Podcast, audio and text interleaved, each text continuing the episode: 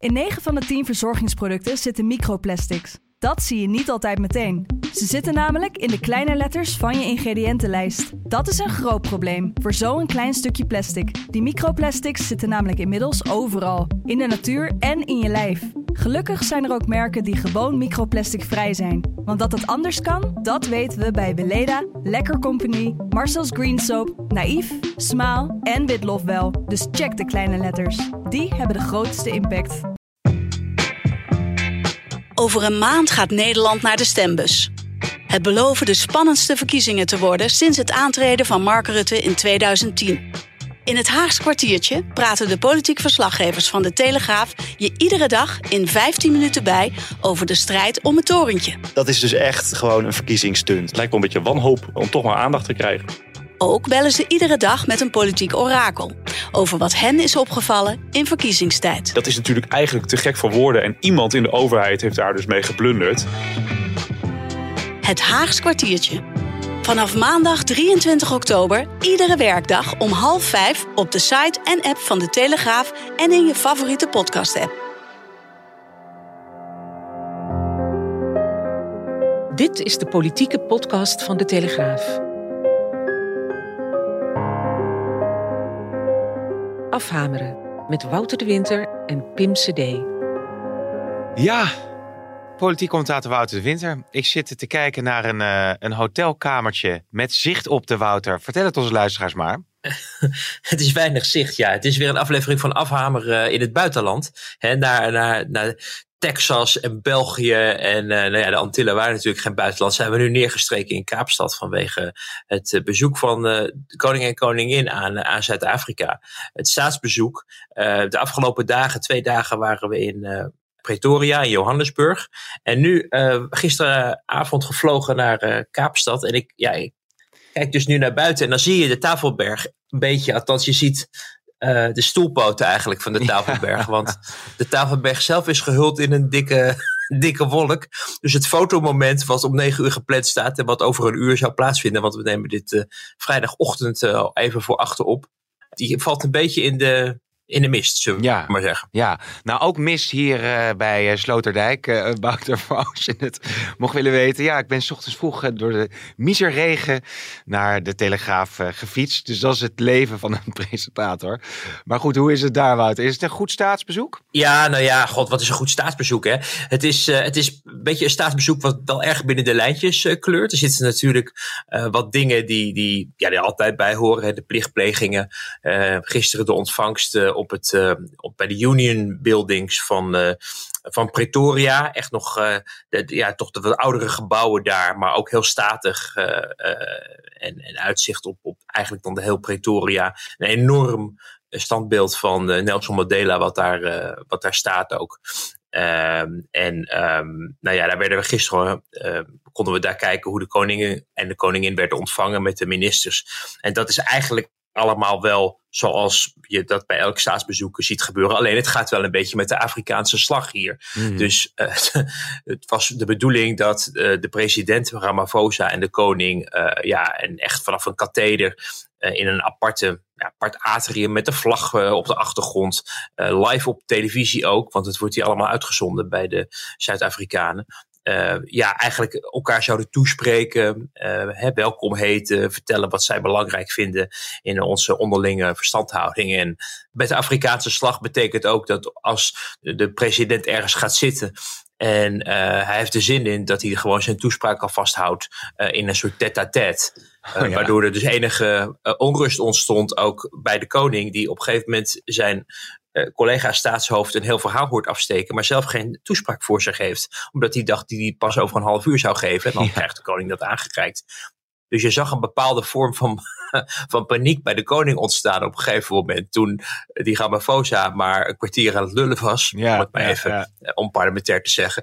En hij dus geen blaadje had. Dus die begon te gebaren en naar de koningin te gebaren. En um, nou, uiteindelijk kwam er uh, iemand van de, van de hofhouding die dan uh, zijn toespraak kwam geven. Maar goed, die, al die cameramensen van Zuid-Afrikaanse televisie waren waren buitengewoon teleurgesteld. Zeggen, I put the cable there for nothing. Want er stonden hele satellietwagens voor de deur om dat ja. allemaal vast te leggen. Dus je ziet dat het, en dat, dat dat merk je ook wel in de reactie ook van de koning. Ook bij zijn praatje voor de Nederlandse gemeenschap in, in Pretoria. Dat het allemaal ja, echt per kwartier plannen is hier. En soms dingen ook heel erg uitlopen. Maar goed, we hebben tot nu toe, behalve dan dat we drie keer met de motorcade verkeerd zijn gereden. Moet je je oh. voorstellen, heb je, heb je dus de koning in je motorcade als Zuid-Afrikaanse politie. En dan rij je dus de hele tijd verkeerd. Nee. Hoe is dat gegaan dan? Ik bedoel, hoe lang duurde dat? Nou ja, ik had dan het geluk dat ik in de motorcade dit keer mocht zitten. Normaal zit je dan in het persbusje en rij je ergens in de file achter de hele meute aan. Of vooral uh, voor de hele meute aan. Maar dit keer kon ik, uh, was er één busje en daar, kon je dan uh, in de motorcade plaatsnemen. En dan zie je dus gewoon dat, oh, dan maken we een U-turn op een, op, een, op een kruispunt. En dan gaan we weer de hele eind terug waar we net hebben gereden. Dat is inmiddels al, al drie keer gebeurd. En ik denk van, jeetje, heb je toch een, een buitenland staatshoofd onder je verantwoordelijkheid. En dan, ja, die rijdt gewoon de hele tijd om en verkeerd. Nee, dus het is um, um, bijzonder, beetje, zullen we zeggen. Een beetje uh, improviseren voor de koning dus. Hoe gaat hem dat af? Is, is hij, heeft hij die flexibiliteit wel om... Ja, om, laat hij daar wat van blijken van, van frustratie, ja, ja, ja. verbazing? Ja, hij heeft, hij heeft wel gezegd uh, uh, dat het een fluïde staatsbezoek oh, is. Ja. Uh, en toen keek hij naar, naar de andere Nederlanders, de Nederlandse gemeenschap, ook naar de ambassadeur die, hier, die daarbij stond. Het is allemaal ja, wat minder strak geregeld als we, als we bijvoorbeeld in Europa gewend zijn of in, in echte Westersland. maar goed, qua programma toch wel een beetje veilige keuzes, moet ik je zeggen hoor, Pim. Het is, uh, gebeurt hier echt van alles. Is er ook heel erg veel te zien. Hè, waar Juliana en Bernard uh, de wilde dieren nog wel gingen bekijken vroeger. Nou, daar hoef je hier niet op te rekenen. Dat gebeurt hier allemaal niet. we gaan ook niet naar wijngaarden, waar iedereen ook die van een wijntje houdt, Zuid-Afrika ook van kent. Ja. Uh, maar het gaat hier over, uh, over waterstof, uh, over het slavernijverleden, homorechten en de, de waterhyacint, Pim. Want de waterhyacint, oh, nou, ja. die, die, die woekert hier door als onkruid. Ik heb daar wat beelden van... ik heb daar wat beelden van voorbij zien komen. Je hebt in Nederland heb je ook zo'n plant, zo'n inheemse uitheemse plant die, die, die heel de natuur overwoekert. Dat heb je daar dus ook, die waterhyacint. Ja, ja, ja dat, dat gingen we op de eerste dag gingen we dat bekijken. En uh, nou ja, oké, denk ik dan leuk. Maar stiekem hoop je toch ook wel iets meer ook de rauwe kantjes. Want uh, vergis je niet, uh, het is een prachtig land, echt waar. En, en, ik weet niet of je er ooit wel eens geweest bent, maar het is hier, het is hier heel mooi. Maar je ziet ook wel echt bittere, bittere armoede. mensen die, die in, in, in hutjes leven. Vuilverbranding en de afvalverbranding gewoon voor de deur. Want ja, je moet er toch vanaf. criminaliteit heel erg hoog worden echt aangeraden om als, het, als de zon hieronder is gegaan, om absoluut niet naar buiten te gaan. Dat was al in Pretoria en Johannesburg, maar, maar ook in Kaapstad, hoewel het hier ook waarschijnlijk wat veiliger is, maar in werkelijkheid niet uh, schijnt te zijn. Dus dat hmm. is wel, um, nou, daar moet je wel rekening mee houden. En, en ja, ik, ik, hoop stiekem altijd dat je die rauwe kantjes bij zo'n bezoek ook een beetje meekrijgt. Omdat het leven nou eenmaal niet één groot feest is. Nee. Uh, en je daar misschien ook wat van op kan steken. Maar nee, dat, dat wordt toch een beetje buiten het programma gehouden. Dus het moet vooral veilig blijven. Ja, ik moet denken, Bernard die wilde wel gaan jagen natuurlijk. Maar dat, dat wilde de koning, eh, die heeft daar minder behoefte aan om... Uh... Nou, nou, hij jaagt wel, maar ik denk niet op, op, op wilde dieren. Maar, uh, maar goed, ze zijn dan bang dat als je dat in beeld brengt... want daar gaat het met zo'n staatsbezoek toch vooral om... of dingen in beeld worden gebracht... dat men dan het idee krijgt in Nederland dat het hier een soort vakantie is. Nou, dat is het niet, want het is van, van ochtends vroeg tot avonds laat is het, is het aan het werk, ook voor koning en koningin. Maar ze zijn toch bang voor de negatieve gevolgen van, van die beelden dan. Moet je overigens wel zeggen, wat me ook als het gaat om het toch een beetje veilig houden, echt opviel, is dat die Zuid-Afrikaanse president gewoon in zijn toespraak vermeldt de oorlog uh, in Oekraïne, maar ook datgene wat er in Israël gebeurt, de aanval van Hamas, alleen dan niet Hamas noemt, hè, want dat is mhm. bijzonder vanwege uh, de historische banden van het ANC, de, de partij van de president. Uh, met, uh, met de Palestijnen is er een een, een ja, bepaalde sympathie of solidariteit, ook vanuit de president uitgesproken richting uh, de Palestijnse zaak uh, de afgelopen week. Ja, zij zijn hier dus daar, kijken met die bril naar dat conflict ook. En ze proberen, als het gaat om Oekraïne, ook geen kant te kiezen. Hè. Dan zeggen ze dat Rusland en Oekraïne maar om de tafel moeten zitten. En dan zie je dat ze Rusland ook niet verantwoordelijk lijken te houden voor de gewelddadigheden in Oekraïne of de oorlog die ze zijn gestart.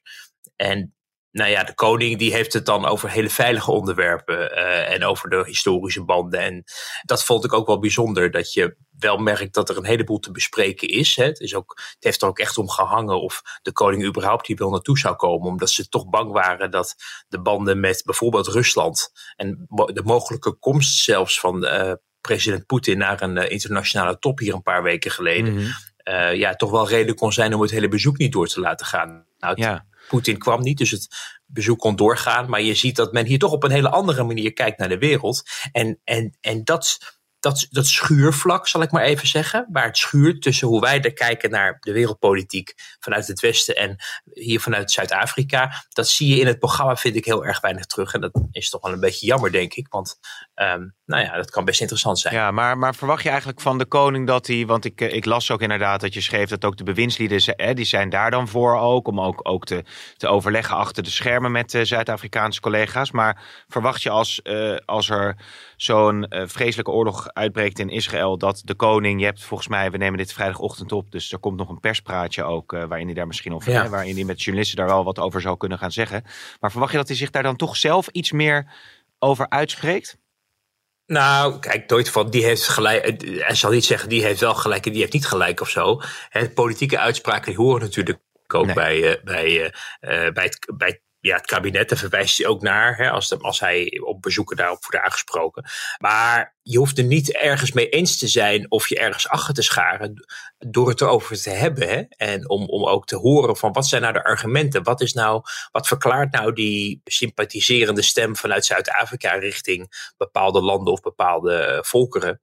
Dat is op zich best interessant om te bespreken. En ik verwacht trouwens ook dat in het persgesprek aan het einde van de dag eh, de koning ook wel gevraagd zal worden naar de actuele ontwikkelingen. Zeker als het gaat om hè, de weerslag die het conflict in het Midden-Oosten nu ook heeft op wat er in Nederland gebeurt. Hè. Er, gebeurt ja. natuurlijk ook nogal wat in de onderlinge verhoudingen tussen verschillende bevolkingsgroepen. En de koning is wel het uithangbord dat zo graag wil verbinden en samenbinden uh, van, van, uh, van Nederland. en we hebben op dit punt daar ook nog niet heel erg veel over horen zeggen. Nee, nee dat gaat dan komen. Overigens uh, is het uh, zien van de apartheid die er natuurlijk was in uh, Zuid-Afrika wel iets wat, neem ik aan, enorm ja, beknellend voelt om, om, dat, om dat aspect van de geschiedenis mee te maken. Ja, we waren, we waren op, de, op de eerste dag in het Apartheidmuseum. En dat was wel echt indrukwekkend hoor. Dat je uh, weer even terug in de tijd wordt geworpen. En, en soms heb ik er allemaal over lezen. We hebben het allemaal op school gehad, hoe, hoe, hoe, uh, hoe bizar dat was destijds. Maar door in dat museum te lopen en op de achtergrond uh, hè, dat reizen dan de geluidsfragmenten van de protesten of, of dat, uh, dat liedje Free Nelson Mandela, weet ja. je wel. en het Zuid-Afrikaanse volkslied. je ziet de, de, de beelden van de executiekamers, de stroppen waar mensen aan werden gehangen als politieke gevangenen ja, echt heel erg indrukwekkend. En ook dat je denkt, hoe is het in hemelsnaam mogelijk dat dat al die jaren heeft voortgeduurd. Uh, dus dat was wel echt, uh, dat vond ik eigenlijk misschien wel het hoogtepunt van het bezoek. Omdat dat toch ja, echt wel binnenkwam. Je merkte dat ook wel bij de koning en koningin. Eigenlijk bij iedereen, ook bij de, bij de journalisten.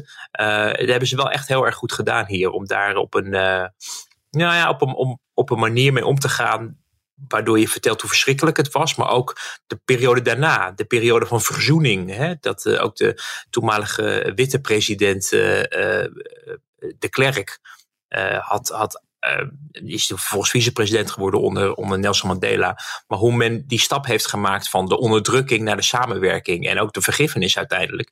Ja. En het interessante is dat uh, die huidige president Ramaphosa dus ook tegen de koning uh, vertelde dat hij ziet dat zijn land een mogelijke ook een beetje vanuit die gedachte van, van vroeger en met elkaar in het rijden komen, uh, ook een bemiddelende rol op het wereldtoneel ziet. Bijvoorbeeld in, het, uh, in de oorlog tussen uh, Rusland en Oekraïne die op dit moment plaatsvindt. Ja, ja, nou dat zal bij het persgesprek misschien uh, zullen daar meer vragen over gesteld worden. Wat ook wel aan bod zal komen wellicht. Uh, even een, een bruggetje of een heel iets anders over de, over de formatie in, in Nederland. Waar ook aardig wat water door wij moet om iedereen altijd bij elkaar te krijgen. daar heeft de koning natuurlijk altijd een rol gespeeld. die is eigenlijk op een zijspoor gezet. Maar nu gaan er toch alweer geluiden om hem bij dat formatieproces te betrekken. Natuurlijk ook na het echec met uh, Olongeren en, uh, en functie elders. Maar hoe zou de koning daar zelf naar kijken, denk jij? Nou, hij, hij, heeft zich daar in het verleden ook wel over uitgelaten. Namelijk dat dat iets is wat uh, de Tweede Kamer natuurlijk beslist. En als de Tweede Kamer hem niet meer nodig heeft, dan heeft hij zich daar ja, bij neer te leggen. Het is niet zo dat hij daar zelf uh, nee. iets tegen kan doen of zo. Het is iets wat de Tweede Kamer besluit. En nou ja, als zij dit verstandiger vinden, dan, dan, dan moet dat. Nou, dat is uiteindelijk, ja, of het verstandig is of niet. weet je, het is het is niet goed gegaan de vorige keer. Maar het is ook niet zo dat het de keer daarvoor ook niet goed ging of zo. er is wel, ik herinner mij de, de formatie van Rutte 1. Ja. Toen ging Beatrix er nog over.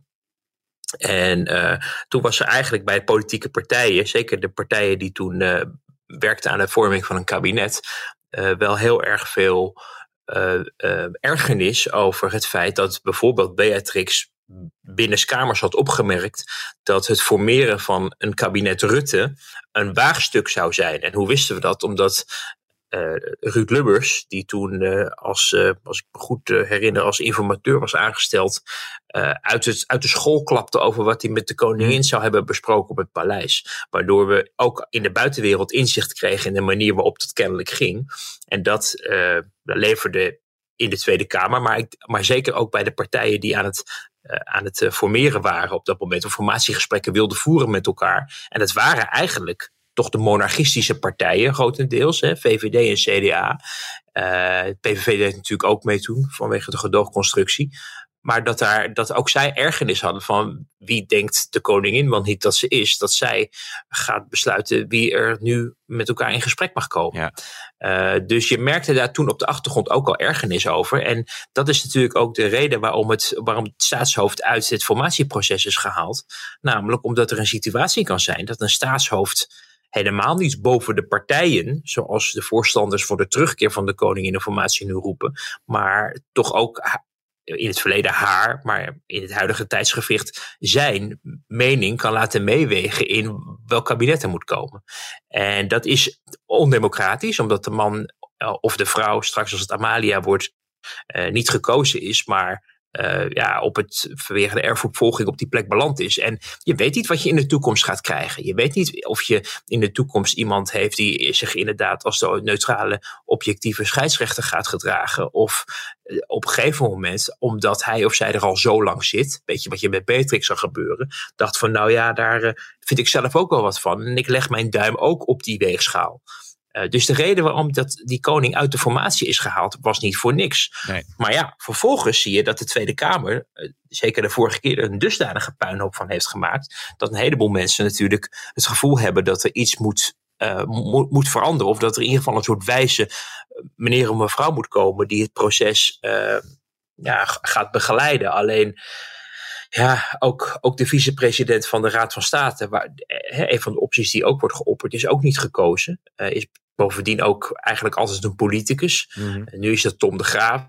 Verleden was het Pien Donner. We kunnen ook toch niet eeuwig blijven rusten op, uh, op, op de brede schouders van Herman Schenk Willink, uh, denk ik. Of voor je het weet komt Johan Remkes weer terug uh, in, in, iets van een rol. Dus het, het geeft voor aan, vooral het, het failliet aan van ja, toch de grote mensenpolitiek van de Tweede Kamer. Het feit dat je over je schaduw heen moet durven springen. En je zou kunnen zeggen, een grote partij, of de, de, winnaar van de verkiezingen, de grote winnaar, dat is de afgelopen jaren is dat de VVD geweest, die moet het voortouw nemen en die moet het proces min of meer ook gaan begeleiden en over de schaduw heen springen en dat soort zaken. Maar je zag dat vanwege de hele functie elders discussie Rutte uh, ja, vleugellam werd natuurlijk. Omdat hij door iedereen ongeveer werd gehaat. Naar aanleiding van de, de leugen over of zich wel of niet achter de schermen was besproken. Dus dan zie je dat in zo'n situatie de grootste partij eigenlijk, en zeker de, lijst, de leider daarvan in dit geval, uh, ja, ook niet als een serieuze gesprekspartner op dat moment wordt gezien. En dan loopt het proces dus van de regels, want dan is het ieder voor zich.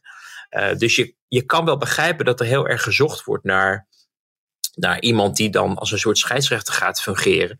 Uh, maar tegelijkertijd, ja, het geeft vooral het onvermogen van onze volksvertegenwoordigers aan dat ze dit niet zelf kunnen doen. Nee, nou ja, goed, zover is het nog niet. We moeten natuurlijk eerst de, de verkiezingen in. En in de aanloop daarna um, is natuurlijk de oorlog uh, uh, op de Gazastrook ja, een thema. zeker voor PvdA en GroenLinks. afgelopen dinsdag schreef je daar ook een, een column over. Met name ook over de manier waarop Frans Timmermans zich daarbij positioneerde hè, op het congres.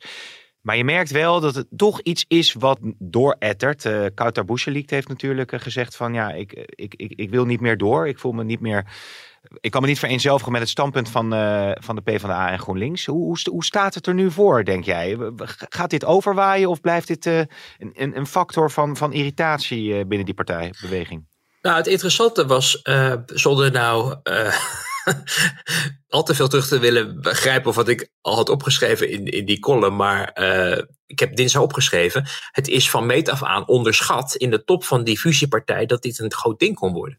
En dat zag je op het moment dat er eigenlijk vrij snel een verklaring kwam van Frans Timmermans. Waarin hij uh, heel erg benadrukte dat Israël het recht had zichzelf te verdedigen. En dat Jesse Klaver daar even later ook vrij duidelijk uh, een beamende tweet over stuurde. Waardoor duidelijk werd dat de partijtop in ieder geval verenigd was over ja, wat men erover wilde communiceren. Uh, maar je merkte in de dagen daarna dat er onrust was en dat mensen zich, wat minder uh, belangrijke mensen vooral, zeg ik wel erbij, maar toch wel een, een groep, vooral in de GroenLinks-achterban, aan het ontstaan was, die zich verzetten tegen de, wat zij vonden, eenzijdige toon van de partijtop, van de fusiepartij over dit conflict. En dat er eigenlijk veel meer aandacht ook voor de noden en de grieven van de Palestijnse bevolking uh, zou moeten zijn. En uh, nou, er was toen een, uh, een pamflet geschreven waarin om rectificatie werd gevraagd. Nou, daar werd in de hogere regionen van de, de PvdA GroenLinks partij toch eigenlijk wat lacherig over gedaan. Van ja, wie zijn het nou eigenlijk? Uh, maar inmiddels zie je wel dat dooretten. Natuurlijk eerst met dat congres, waar een aantal mensen wel met van die Arafat-sjaaltjes en Free Palestine. En ook voor de deur was daar wel enig protest. Maar in de zaal zelf viel het uiteindelijk toch wel mee. Hè. Er mhm. was niet echt sprake van een hele grote scheuring. En hoe komt dat?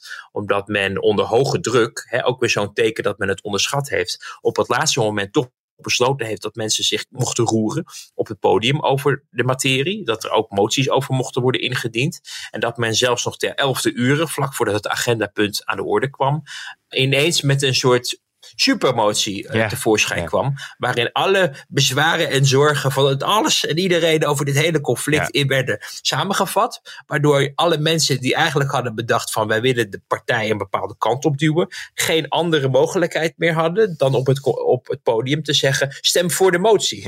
nou, dat is precies wat de partij of top natuurlijk wilde. Want iedereen kon daarmee toch iets laten weten van hoe erg ze het vonden. En dat er toch ook aandacht moest zijn voor zaken waar wat minder aandacht voor was gegeven door de eerste reacties eigenlijk vanuit de partijtop.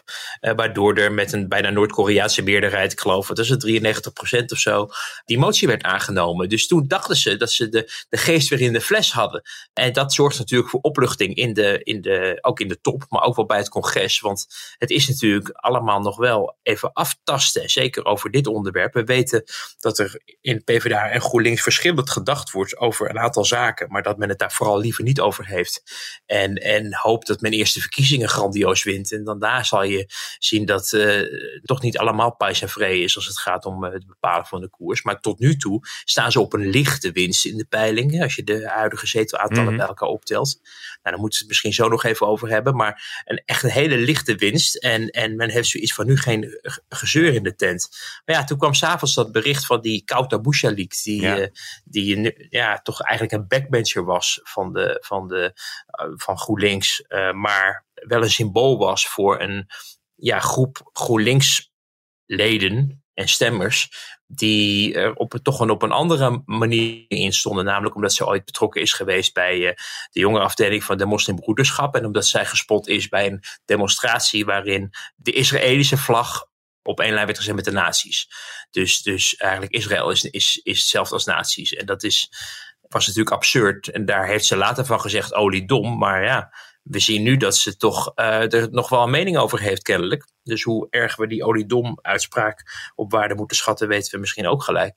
Maar je zag wel dat dat ook weer nieuw brandstof gaf aan onvrede in die partij, die zich verder uitkristalliseerde de afgelopen week. Want waar vorige week nog in de fractievergadering er nauwelijks echt gesproken was over die koers, hoorde ik van iemand die daarbij bij aanwezig was. En dus ook een beetje verbaasd was dat die Bouchalik daar ineens zo'n punt van maakte. Omdat ze zich, wat ze namelijk claimde, in die fractie uh, allerlei gesprekken had gevoerd en zich niet gehoord voelde. Uh, juist merkte dat in de fractievergadering daar niet zoveel van bleek. Dus het zou best kunnen zijn dat zij ook in haar achterban door haar supporters uh, ja, is aangemoedigd om wellicht het een en ander nog uh, te doen. Naar aanleiding van uh, die motie op het congres. Maar dat, dat, dat is misschien in eerste instantie haar helemaal niet zo zwaar op de maag ligt. Maar nou ja, door andere mensen daartoe is aangespoord. Maar dat gaf weer nieuwe brandstof aan de discussie van ja, die, waar is die partij eigenlijk mee bezig? En die fractie heeft goedkeuring gegeven aan de motie van de SGP, ja. waarin dat werd uitgelegd als ook wederom te eenzijdig en Israël een soort carte blanche, zeg ik even tussen aanhalingstekens, gaf om zichzelf te verdedigen. En dat vinden ze, ja, het lag weer heel gevoelig. Dus toen moesten ze in allerijl deze week daar weer van terugkomen en zeggen we hadden het toch niet moeten doen en we hadden ons toch op een andere manier moeten uitdrukken. Dus je ziet eigenlijk een continue worsteling met als klap op de vuurpijl natuurlijk, Pim, het belletje van Frans Timmermans, uh, de, de, de voormalige eurocommissaris, naar zijn oud-collega, de EU-buitenlandcoördinator Borrell, om ook maar even te zeggen, met hem te bespreken wat er moet gebeuren. Als een soort schaduwpremier opbellen naar, naar zijn oud-collega om maar iets van staatsmanschap uit te stralen en daarmee eigenlijk ook het kabinet voor de voeten te lopen. Hè? Want we hebben natuurlijk een kabinet ja. dat zich verhoudt ook tot de Europese Commissie en sowieso op het internationale toneel.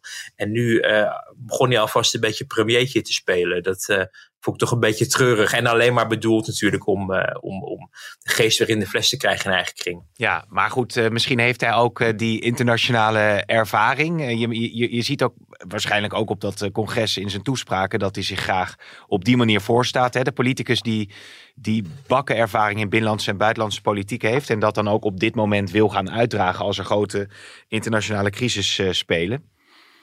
Ja, nou, dat is natuurlijk wel zijn sterke punt op zich. Hè. Veel buitenlandervaring. Dat ja. geeft hem de ruimte om zich ook dusdanig te positioneren. Alleen, bedoel, hij is niet een man die zich de wet laat voorschrijven door Kauto Bouchalik of andere mensen bij GroenLinks. Hij is dit gaan doen. Er wordt zelfs gespind in de PvdA dat ze een, een klemmend beroep op hem hebben moeten doen om zich hiervoor beschikbaar te stellen voor het lijsttrekkerschap. Mm -hmm. Nou, als je zijn, zijn politieke carrière en zijn interviews een beetje volgt van de afgelopen 20, 30 jaar, dan zie je ook een heleboel ambitie. Dus ik weet niet of ik het helemaal eens ben met die veronderstelling of die bewering dat hij het zelf eigenlijk liever niet wilde, maar de PvdA GroenLinks uit Brussel is gesleept. Een klemmend beroep op hem werd gedaan om ons land te leiden. Ik weet niet of, het, of dat of dat de werkelijkheid precies is. Maar dat hij ook echt ook intern heeft aangegeven. Luister, jullie vragen mij om de lijsttrekker te worden. En misschien wil hij dat ook wel. Maar ik, ik ben wel wie ik ben. Ik ja. ga niet ineens iets anders vinden. Of een koers varen waar ik het niet mee eens ben. Dus je krijgt wel de whole package. Ja. Uh, wat dat betreft. En ja dat zie je nu wel, uh, wel gebeuren. Hij, hij heeft hier ook hele duidelijke opvattingen over. Hij zegt in televisieoptredens, of het nou bij Galit en Sophie is als oud-minister van Buitenlandse Zaken, of bij Buitenhof als oud-eurocommissaris. Let op, hè, niet, niet steeds als lijsttrekker, maar steeds als vroeger deed je dit en dus heb je er veel verstand van. Maar de reden waarom hij zoveel op televisie is, is omdat hij lijsttrekker is natuurlijk. Mm. Dus heel wonderlijk. Uh, daarmee wel heel erg duidelijk de verantwoordelijke ja, premierkandidaatkaart wil spelen. Maar een leider kan natuurlijk niet leiden zonder dat hij gevolgd wordt door de mensen die hij moet leiden. En ja. als er een, een schisma ontstaat tussen de manier waarop zijn leiderschap en de koers die hij wil varen en de mensen die hem moeten volgen, als daar te veel licht tussen ontstaan, wordt dat wat ongemakkelijk. En wordt hij daar straks denk ik ook op aangesproken uh, in de debatten die we gaan zien uh, vanaf dit weekend. Ja, wie daar ook uh, werd aangesproken uh, afgelopen dinsdag uh, was Jezo Gus natuurlijk, minister van Justitie, partijleider van de VVD. Want ze kwam weer oppoppen, Soumaya Sala, Natuurlijk uh, ex-lid van de Hofstadgroep. Uh, veroordeeld voor lidmaatschap van een terroristische organisatie en verboden wapenbezit. En nou ja, wat in het nieuws kwam afgelopen periode, afgelopen week, dat ze zelf ook gezegd bij Radio 1, is dat ze weer actief was binnen de VVD. In een soort denktank. Nou, dat was natuurlijk ja, iets voor Wilders waar die, waar die meteen zeer ferm over uithaalde afgelopen dinsdag. Er is dus een veroordeeld terrorist, is of ze het nou leuk vinden of niet, lid van het partijnetwerk Migratie en Integratie bij de VVD. En u moet zich daarvoor kapot schamen. U heeft totaal geen moreel kompas dat iemand in uw partij die functie of dat kan doen terwijl ze Kamerleden wilden vermoorden. Hoe kijk je daarnaar, uh, Wouter? Ik heb dat toen, uh, ik heb Jezus toen geïnterviewd en Wilders toen aan het woord gelaten, omdat het toch een groot thema was. En het zat ook in het vragenuur. Uh, maar er is ook weer een kant die zegt van nou, die, iedereen mag lid worden van die partij. Hè, moeten we allemaal niet zo, niet zo moeilijk over doen. Dus Jezus zei ook nog van ja, iedereen mag ook lid worden bij een omroep. Als ze maar geen ja. uh, functie krijgt. Dat was eigenlijk haar verweer. Nou ja, je ziet het ongemak bij die partij al een tijdje over, over haar uh, bestaan. Ze is ook al een paar keer, ik heb er ook zelf uh, ook kunnen spotten met collega's, ook op VVD-congressen. Uh, dat is ook heel bijzonder, omdat dat toch een beetje een persona non grata leek te zijn geworden. En dat Sophie Hermans natuurlijk op een ochtend in uh, WNL op zondag heeft gezegd dat ze daar toch allemaal wel moeite mee had. Hm. Dus toen leek het dat haar rol toch wel uh, ja, uitgespeeld raakte. Er is toen nog met stoom en kokend water geprobeerd om haar inderdaad uit die zichtbare linie van de VVD te halen. En ze is wel weer op congressen en kennelijk op een of andere manier toch weer betrokken bij een of andere, wat Jezielkus dan noemt, een praatclubje. Ja, een praatclubje, ja. ja. Ja, weet je wat het is, Pim? Um, die, die partij die is, laat zich erop voorstaan ook dat mensen een tweede kans verdienen. Hè? En, en zij is natuurlijk veroordeeld. Maar uh, die tijd is, ligt dus nu ook achter ons. Hè? Ze heeft gezegd dat ze daar niet meer uh, in gelooft. In datgene waar ze destijds natuurlijk mee bezig was. Hoewel sommige mensen vinden dat dat ook niet expliciet genoeg is gedaan. maar zij vindt dat ze een, een ja, daar zichtbaar moet zijn, daar over kan meedenken. En die partij heeft eigenlijk te weinig ruimte om haar om moverende redenen uit de partij te zetten. Ook vanwege het idee dat iemand een tweede kans verdient. Dus haar aanwezigheid en betrokkenheid wordt de hele tijd gebagatelliseerd. Dat is eerder door Rutte gebeurd. Ik heb Rutte er wel eens over gesproken. En ook wel eens gevraagd, want dat zijn natuurlijk ooit door Bolkestein min of meer die partijen in is geloodst. Van goh, heeft u het wel eens met Bolkestein hierover gehad? Nou, je merkt het ongemak uh, allemaal. Daar wilde Rutte het ook niet over hebben. En hetzelfde ongemak zag je eigenlijk ook bij Jezielgus. Die vond ik ook niet helemaal goed op de hoogte was van nee. wat nou wel en wat nou niet.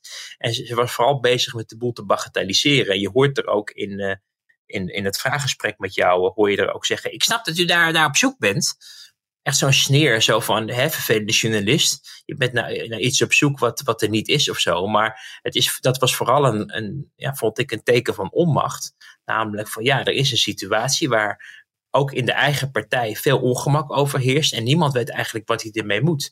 En ja, wat doet Wilders dan? Het is een politiek dier. En niet voor niks straks de Nestor van de Tweede Kamer. Die weet precies waar hij moet drukken waar het pijn doet bij de VVD. En zeker op dit onderwerp, waar ook nog natuurlijk persoonlijke betrokkenheid bij hem van zit. Omdat dat soort lieden, waar zij zich voor uitgaf van de Hofstadgroep. Ja, de Hofstadgroep, ja. Die mensen die wilden Wilders van het leven beroven. Dus dat, dat gaat heel diep. Hè? Dat zit wel echt in je haarvaten. En uh, Wilders twijfelt sowieso of mensen, als ze zoiets van plan zijn geweest, of ze daar ooit helemaal van afzien. En of ze mm. niet dekmantel hebben om uh, alsnog ook bij hem in de buurt te komen. Daarom ging die hele discussie ook over de zus van Soumaya Sala. Want dat is dan een D66-Kamerlid.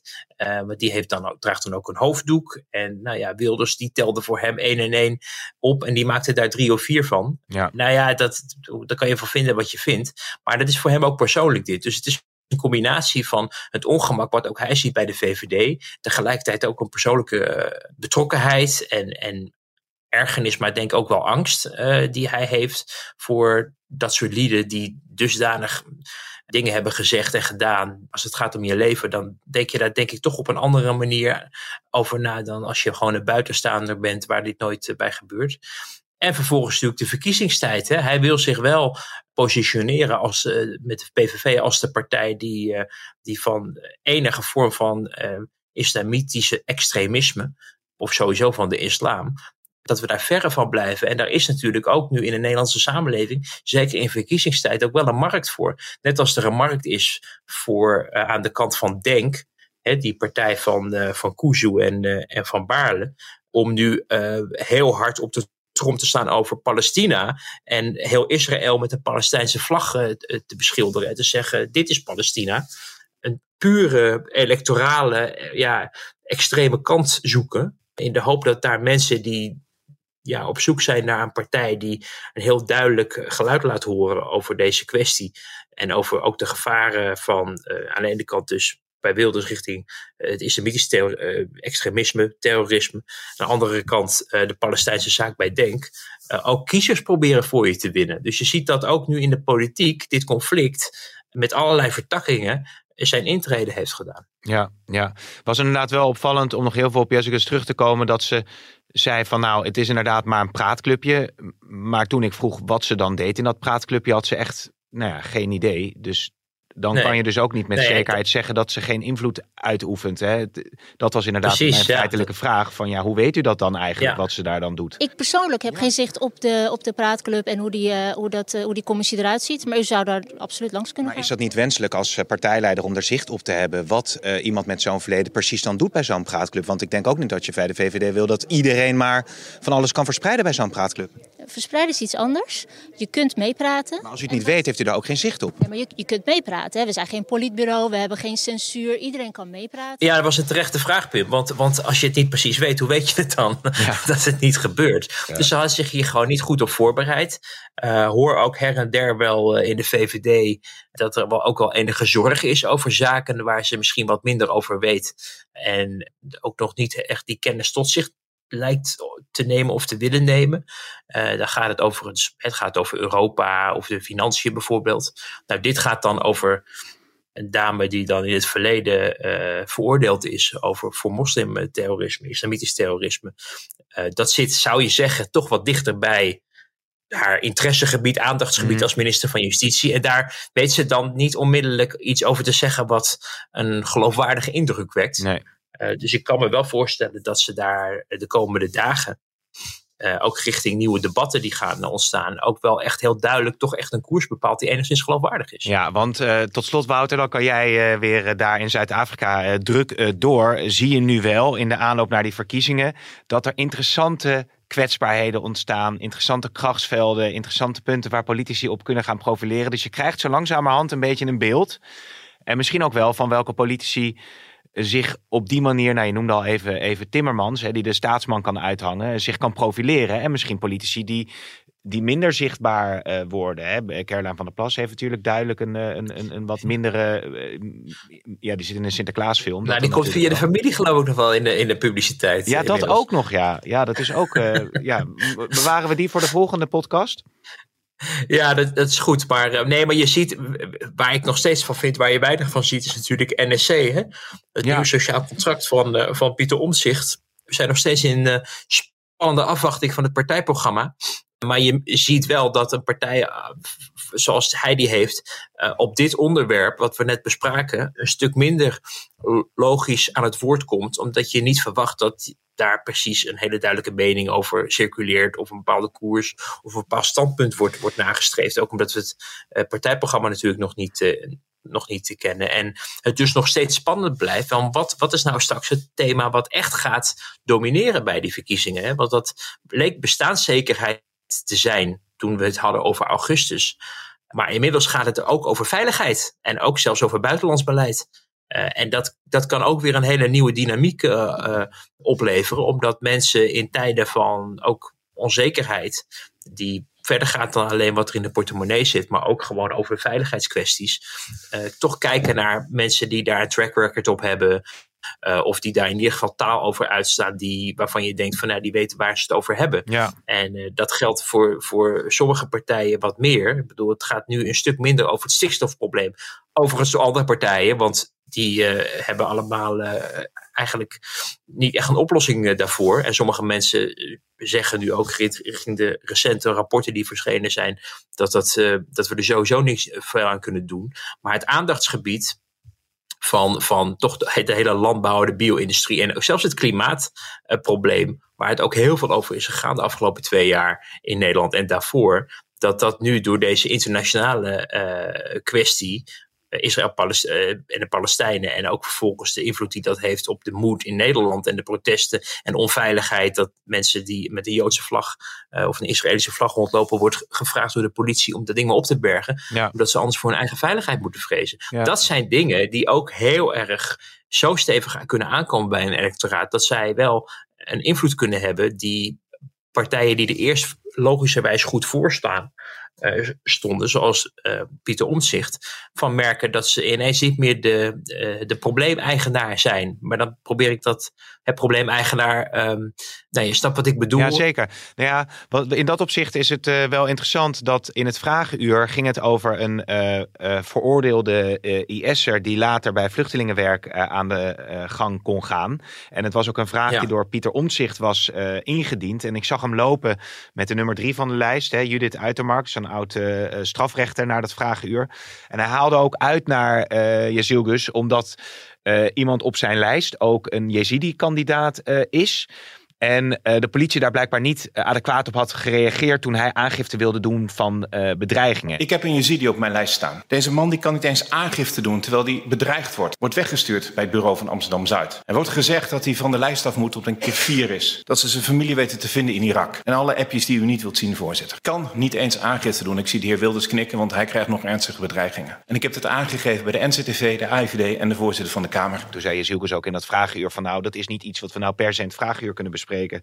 U heeft mijn nummer. Ja. U kunt me daar altijd ook uh, over bereiken als het iets ja. ernstigs is. En, en ja, de, de, de, de persoonlijke situatie van iemand bedreigt. Dus dat vond ik wat dat betreft ook wel een interessant uh, ja, aspect. En want hij ziet op zich is een slimme man die ziet dat er, dat er een, een, een, markt is aan het ontstaan, electoraal, voor iets waar hij zich de afgelopen tijd nou niet de, de meest uitgesproken politicus over tonen. Want hij was bezig met goed bestuur en met, uh, ja. uh, met bestaanszekerheid. Dus, dus, dus hij ziet ook wel van hé, hey, ik moet nu ook schakelen op iets wat veel mensen ook wel bezighoudt. Uh, en me daar ook op laten, uh, laten gelden, omdat anders doen anderen dat. En die kunnen daarmee best nog wat, wat kiezers binnenhalen die eigenlijk van plan waren om eerst op mij te stemmen. Ja, ja, nou dat wordt allemaal vervolgd. Wouter, wat is het leukste dat er nog op het programma staat? Wanneer ben je weer bij ons? Ik, uh, ik, ik vlieg in het weekend weer terug. En dan ben ik net op tijd voor, de, voor het eerste debat, zoals dat dan een beetje wordt genoemd maar ik weet niet of het echt een debat wordt. Namelijk de confrontatie tussen vier mensen die al eens een keer bij college tour zijn geweest. Oh, en die ja. dan met elkaar de vragen uh, van studenten ook gaan beantwoorden, begrijp ik. In ieder geval een, een, een soort semi-debat waarin uh, we voor het eerst ook kunnen zien hoe bijvoorbeeld Frans Timmermans en Pieter Omtzigt uh, zich tot elkaar verhouden. Want dat zijn mensen die, waar heel veel over gezegd en geschreven wordt, maar die we nog niet in een, in een één op één of in een 1 op 4 of een 2 op 4 confrontatie hebben kunnen zien. Zodat we al een beetje een indruk krijgen van oké, wie, wie staat zijn mannetje of zijn vrouwtje? En wie uh, stelt teleur en moet nog uh, wat uh, gaan werken aan de debattechnieken. Ja, nou dat wordt ongemeen spannend en interessant. Wouter, veel succes daar nog. En ehm, dank voor je tijd op deze vroege ochtend. Ik hoop dat de tafelberg al... kan je nog alvast even uit het raam kijken? Is je al wat beter zichtbaar? Kan, kan dat fotomoment nee, al worden ingeboekt? het wordt alleen maar erger, Pim. De, de tafelberg... We, hebben nu, we hebben, zitten nu niet eens meer bij de stoelpoten. Dus het zijn nu de, de knopjes, weet je. Helemaal aan de onderkant van die poten. De filtjes, de. Oké, okay. Wouter. Super bedankt en uh, we spreken elkaar snel weer.